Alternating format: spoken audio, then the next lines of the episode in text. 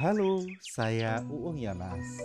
Adik-adik, Cianjur adalah salah satu ibu kota kabupaten di Provinsi Jawa Barat yang terkenal sebagai penghasil beras enak dan gurih. Secara geografis, Cianjur memiliki tanah yang subur dan mengandung banyak air. Dari segi bahasa, Cianjur berarti daerah yang banyak mengandung air. Sementara, menurut cerita yang berkembang di kalangan masyarakat setempat, pemberian nama Cianjur tersebut terkait dengan sebuah peristiwa yang pernah terjadi di daerah itu. Peristiwa apakah yang terjadi sehingga daerah tersebut diberi nama Cianjur? Ikuti kisahnya dalam dongeng Asal Mula Nama Kota Cianjur. Alkisah di sebuah desa di Jawa Barat. Hiduplah seorang petani kaya bersama seorang anak lelakinya yang bernama Tetap. Seluruh sawah dan ladang di desa itu adalah miliknya. Untuk mengerjakan sawah dan ladang yang sangat luas itu, ia memburuhkannya kepada penduduk desa. Petani kaya itu memiliki sifat kikir. Saking kikirnya, anak kandungnya sendiri pun tidak pernah dibantunya. Oleh karena itu, penduduk desa menjulukinya Pak Kikir. Beruntunglah sifat kikir itu tidak menular pada si tetap. Tetap adalah pemuda yang baik hati. Ia sering membantu tetangganya yang kesusahan tanpa sepengetahuan ayahnya. Menurut kepercayaan masyarakat setempat, untuk memperoleh hasil panen yang melimpah, harus diadakan pesta syukuran setiap selesai panen. Jika tidak, mereka akan gagal pada panen berikutnya. Oleh karena takut gagal, Pak Kikir pun terpaksa mengadakan pesta syukuran dengan mengundang seluruh penduduk desa. Para warga pun merasa gembira karena mereka akan menikmati berbagai jenis makanan enak dan lezat. Namun, betapa kecewanya mereka pada saat pesta itu berlangsung.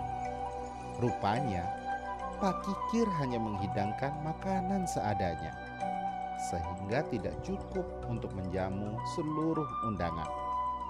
Banyak di antara undangan yang tidak mendapat bagian. Uh, sungguh keterlaluan Pak Kikir. Sudah berani mengundang orang, tapi tidak sanggup menyediakan makanan. Untuk apa hartanya yang melimpah itu? Ujar seorang warga dengan nada kecewa. Suasana di pesta itu pun menjadi gaduh. Para undangan mempergunjingkan kekikiran Pak Kikir.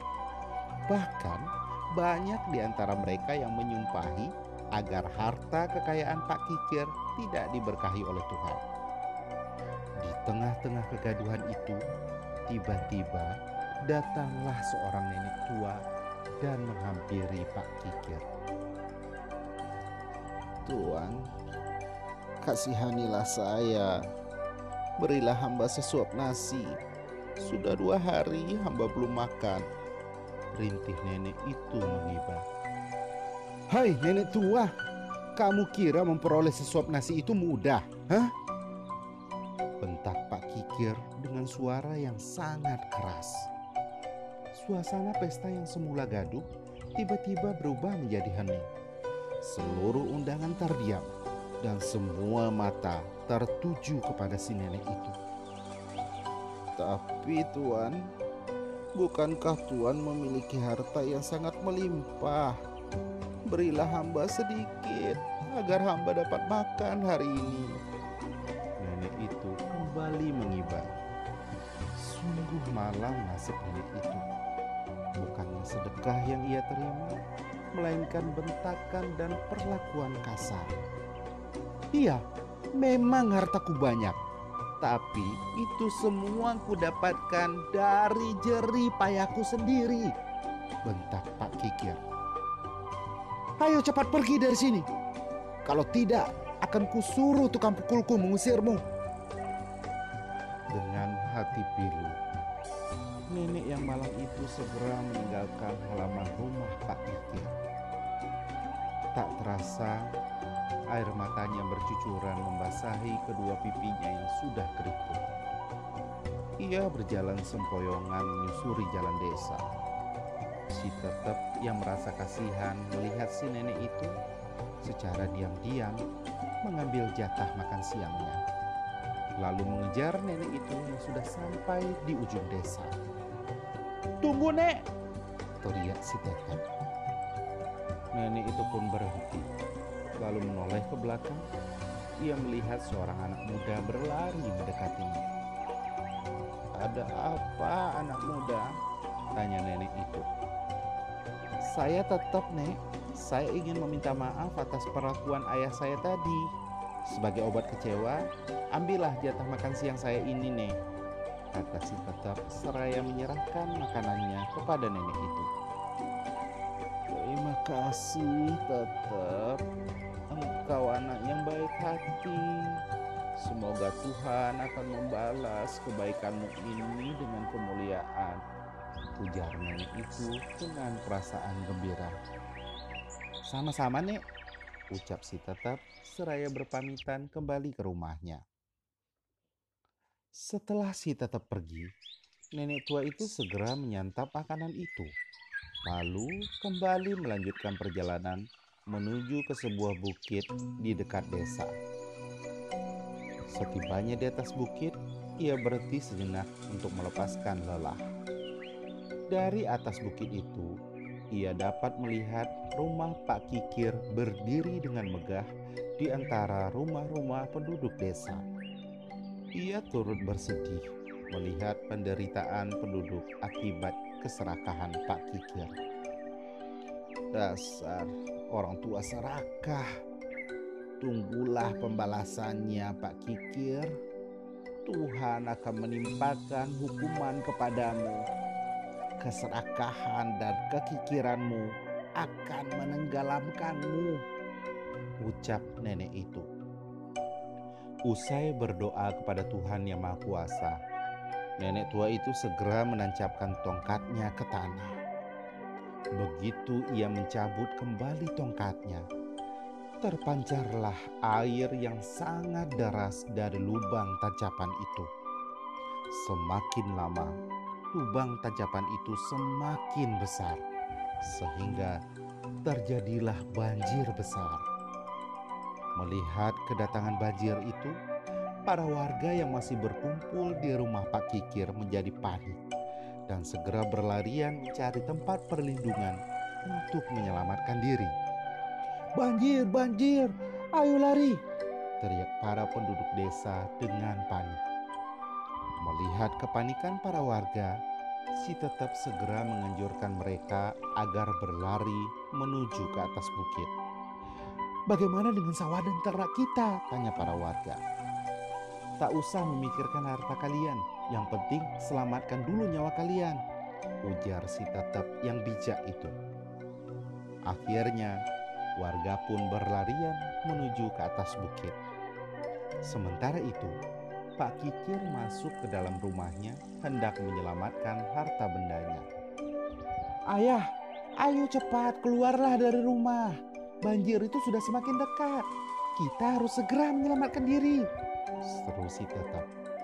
Pak Kikir tidak menghiraukan seruan anaknya. Ia terus berusaha mengambil peti hartanya yang disimpan di dalam tanah. Beberapa kali si tetap berteriak, namun ayahnya belum juga keluar dari rumah.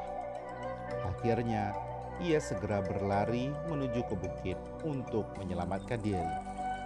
Sementara itu, Pak Kikir yang masih sibuk mengumpulkan hartanya tidak dapat lagi menyelamatkan diri.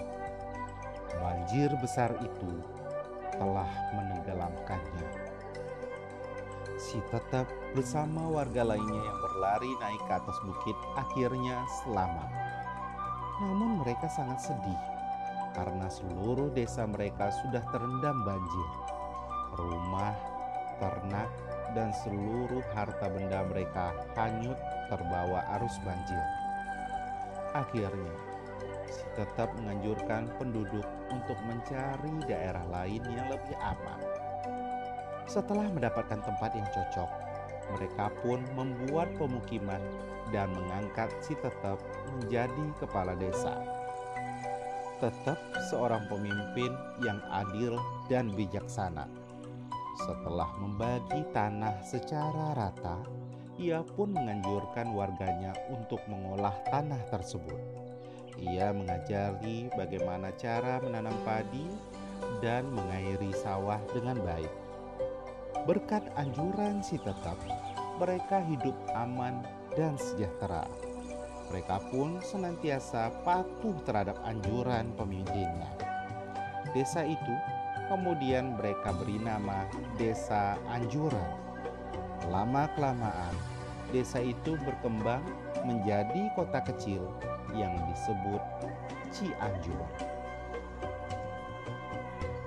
Nah, adik-adik, demikian cerita asal mula nama kota Cianjur dari Provinsi Jawa Barat. Hingga kini, selain dikenal sebagai kota santri dan penghasil beras wangi dan pulen, kota Cianjur juga dikenal sebagai penghasil manisan dan makanan ringan lainnya seperti tauco. Pelajaran yang dapat dipetik dari cerita tadi adalah bahwa kekikiran dan keserakahan terhadap harta benda dapat menyebabkan seorang celaka dikatakan dalam tunjuk ajar Melayu, apa tanda orang terkutuk terhadap harta dia kemaru. Saya Uung Yonas, sampai jumpa di dongeng berikutnya.